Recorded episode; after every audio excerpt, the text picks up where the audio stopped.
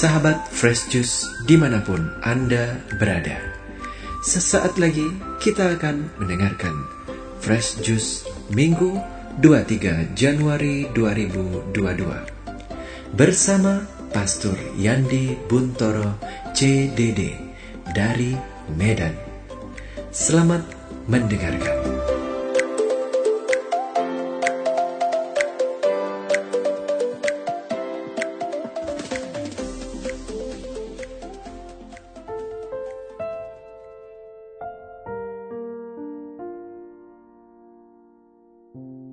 Teman-teman pendengar dan pewarta Daily Fresh Juice yang saya kasihi, kembali berjumpa dengan saya Pastor Johannes Yandi Buntoro CDD di tempat tugas saya di paroki Kristus Raja di kota Medan. Inilah Injil suci menurut Santo Lukas bab 1 ayat 1 sampai dengan 4 bab 4 ayat 14 sampai dengan 21.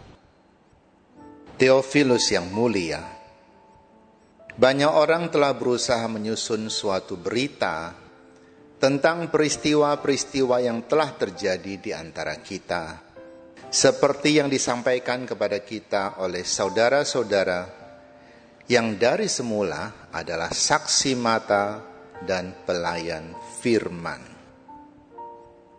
Karena itu, setelah menyelidiki segala peristiwa itu dengan saksama dari awal mula, aku mengambil keputusan untuk membukukannya dengan teratur bagimu. Dengan demikian engkau dapat mengetahui bahwa segala sesuatu yang diajarkan kepadamu sungguh benar. Sesudah dicobai iblis di padang gurun, dalam kuasa roh, kembalilah Yesus ke Galilea dan tersiarlah kabar tentang dia di seluruh daerah itu. Selama di situ ia mengajar di rumah-rumah ibadat dan semua orang memuji dia. Lalu Yesus datang ke Nazaret tempat ia dibesarkan. Dan menurut kebiasaannya pada hari sabat, ia masuk ke rumah ibadat lalu berdiri hendak membaca dari Alkitab. Kepadanya diberikan kitab Nabi Yesaya dan setelah membukanya, ia menemukan nas di mana ada tertulis, Roh Tuhan ada padaku.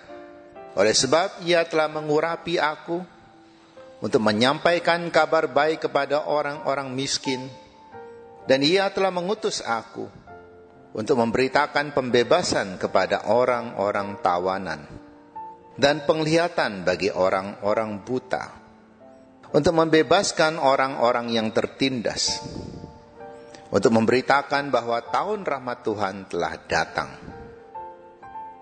Kemudian Yesus menutup kitab itu, mengembalikannya kepada pejabat, lalu duduk. Dan mata semua orang dalam rumah ibadat itu tertuju kepadanya. Lalu Yesus mulai mengajar mereka, katanya, pada hari ini genaplah nas tadi, sewaktu kamu mendengarnya.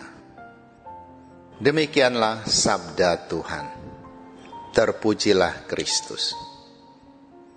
Ketika Yesus membuka Alkitab, ayat yang dia bacakan adalah ayat yang sudah sering didengar oleh umat Allah yang berkumpul di bait Allah. Artinya sudah sering dibacakan oleh para imam tetapi kenapa hari ini menjadi istimewa? Karena para imam hanya bisa membaca saja, tetapi tidak pernah berani untuk berjanji bahwa apa yang mereka bacakan akan terwujud. Hari ini Yesus beda. Ia membacakan dan dengan yakin ia mengatakan, apa yang kamu dengar tadi hari ini menjadi genap atau terlaksana. Apa yang mereka dengar tadi? Yang pertama adalah roh Tuhan ada pada. Jadi Yesus datang sebagai Tuhan. Di dalamnya ada roh Tuhan. Bukan sekedar membawa roh Tuhan. Ada banyak orang menyembuhkan penyakit orang dalam nama Yesus. Tapi mereka bukan Yesus. Tetapi Yesus dengan tegas mengatakan, "Roh Tuhan ada padaku. Akulah Tuhan itu." Ini satu hal yang mungkin tidak gampang diterima. Tapi kenyataannya pada saat itu tidak ada yang protes. Bahkan para imam pun tidak ada yang protes. Mungkin menggerutu dalam hati, itu mereka lakukan. Kenapa Yesus berani mengatakan dia adalah Tuhan? Karena dia sendiri menunjukkan kualitas Tuhan di dalam dirinya. Belas kasihnya, pengampunannya, tanda-tanda ajaib yang dia lakukan, dan terakhir sebagai puncaknya, ia menerima kehendak Bapa, mati di salib. Dan lebih hebat lagi, tidak berhenti sampai di situ, ia bangkit lagi. Sehingga membuat orang-orang yang sebelumnya merasa gembira Akhirnya Yesus bisa kita singkirkan. Kemudian mereka menjadi terkejut, terperangah, heran. Kok bisa? Sampai-sampai mereka harus mengarang berita-berita bohong. Mengatakan bahwa jenazah Yesus dicuri oleh murid-murid. Dan itu adalah kesaksian dari para tentara yang katanya tertidur. Kalau tertidur kok tahu bahwa murid Yesus mencuri jenazah? Ini sudah satu hal yang sangat tidak logis. Kedua, aku diutus memberitakan kabar baik kepada orang-orang miskin. Kabar baik yang bagaimana berguna bagi seorang yang miskin. Tentu bahwa mereka tidak miskin lagi.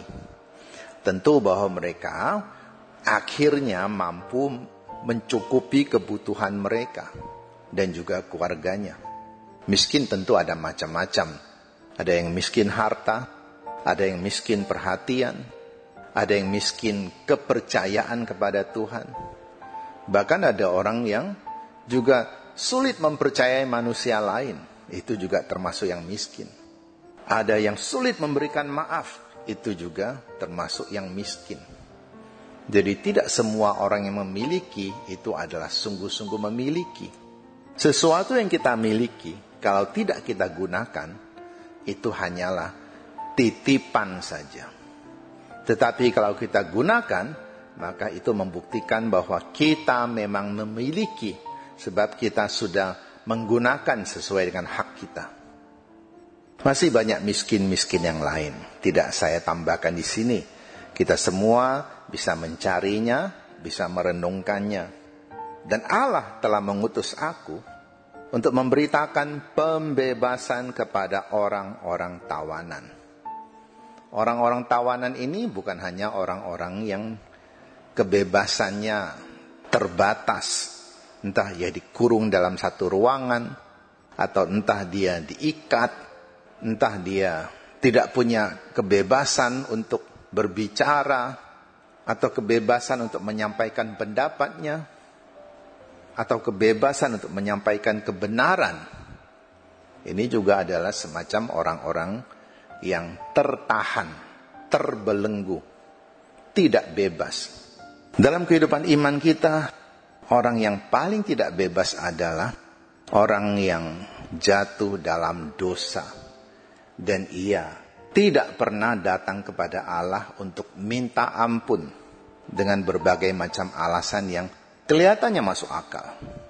Tapi selama orang masih hidup dalam dosa, hidup dalam kebiasaan-kebiasaan buruk, hidup dalam rahasia-rahasia yang terlalu memalukan jika diketahui orang, maka itu adalah orang-orang yang ada dalam tahanan.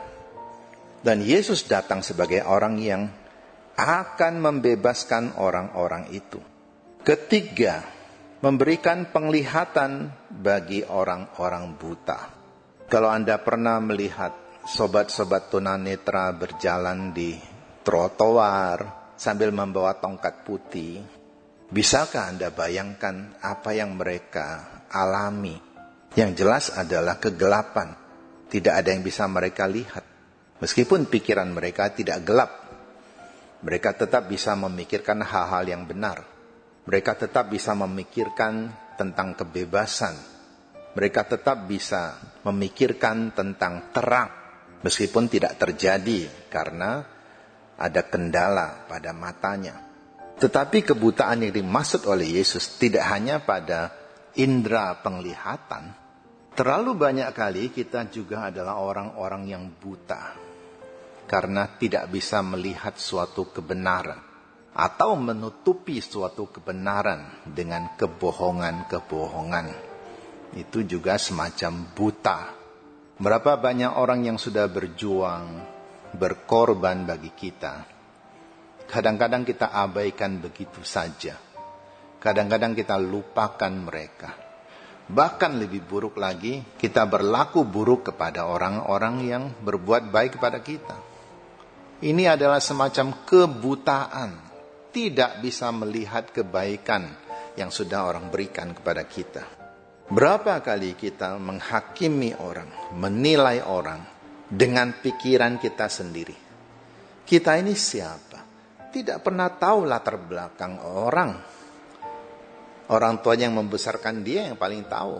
Kita ini siapa? Sampai berani-beraninya kita menilai orang, menghakimi orang. Ini juga adalah semacam kebutaan. Orang buta yang tidak menyadari bahwa ia buta. Selanjutnya, Yesus diutus memberitakan tahun rahmat Tuhan telah datang. Nah, ini yang paling penting. Bahwa manusia tidak seharusnya hidup sebagai seorang tahanan, tidak seharusnya hidup sebagai orang-orang yang buta, tidak seharusnya hidup sebagai orang-orang yang miskin, tetapi mereka bisa terbebas dari semua itu. Itulah tahun rahmat Tuhan. Artinya rahmat Tuhan sungguh-sungguh akan turun kepada manusia untuk membantu mereka hidup sebagai manusia yang bebas.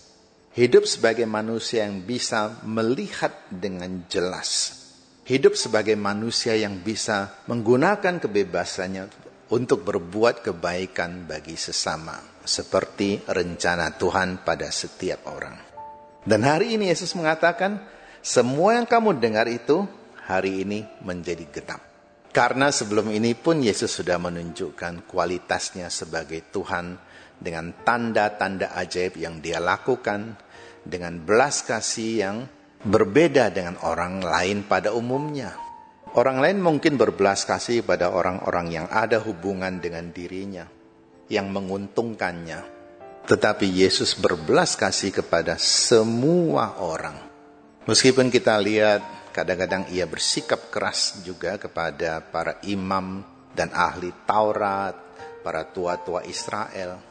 Tapi itu semua adalah caranya untuk menarik mereka keluar dari keterikatan mereka akan sifat-sifat buruk, keluar dari dosa. Sekarang bagaimana dengan kita? Apakah ada roh Tuhan dalam diri kita? Tentu saja ada kita yang percaya kepada Tuhan, ada roh Tuhan dalam diri kita. Cuma mungkin firman Tuhan belum bisa kita genapi.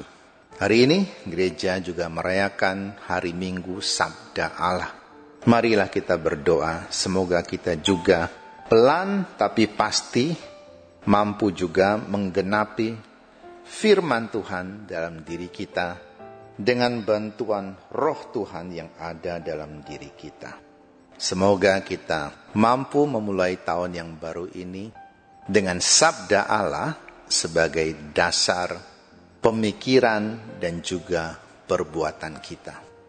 Semoga kita mampu menjadi pelaksana sabda Allah dan terutama perwujudan sabda Allah dalam tindakan-tindakan yang nyata Semoga kualitas Tuhan di dalam diri kita semakin hari semakin terasah dan juga menjadi nyata. Amin. Marilah kita menerima berkat Tuhan. Tuhan bersamamu. Semoga kita bersama keluarga diberkati oleh Allah yang Maha Kuasa, Bapa dan Putera dan Roh Kudus. Amin. Sahabat Fresh Juice, kita baru saja mendengarkan Fresh Juice Minggu 23 Januari 2022. Terima kasih kepada Pastor Yandi Buntoro untuk renungannya pada hari ini. Sampai berjumpa kembali dalam Fresh Juice edisi selanjutnya. jaga kesehatan, dan salam fresh juice.